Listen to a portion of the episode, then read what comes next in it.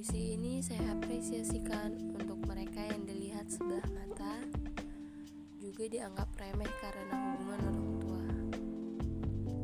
Heart out of family. Tertatih melawan masa dalam berargumen rasa. Bersakit-sakitan siapa antara siapa, lalu menjadi sosok paling di antara puing. Ia sosok yang selalu ingin situasi selalu berpaling. Ia menjadi tegar di antara pagar berduri yang lebar. Kadang Tuhan menepuk bahunya untuk sabar juga senantiasa tegar. Ditertawakan sekitar seolah-olah dia paling ringkih tanpa dua sayap yang mekar.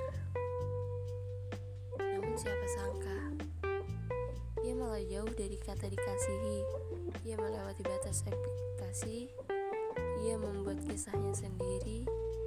Ia yang bahkan tak semua bisa berlakon seperti peri. Kadang manusia melihat selalu dari sisi buruknya tanpa berpikir, objek itu pun mengerti bagaimana menempatkan diri. Dia pun memiliki hati untuk bisa mengerti. Juga punya emosi jika ada salah satu di antara kalian yang ingin menyakitinya. Namun tak semua manusia mengerti. Di balik sedih yang mungkin mendidih, ada bahagia yang tak bisa dipungkiri. Ada sukses yang bahkan tak pernah mimpi, ada tingkat yang lebih tinggi dari mereka yang selalu menatap dengan delik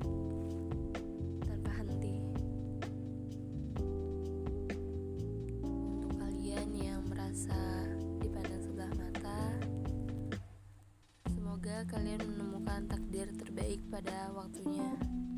Takdir yang bahkan melebihi apa pun yang kalian kira. Semoga bahagia. Jangan pernah lengah apalagi kecewa.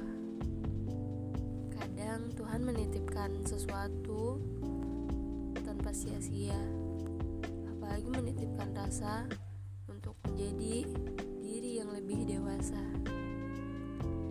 Di titik halu, sampai nanti.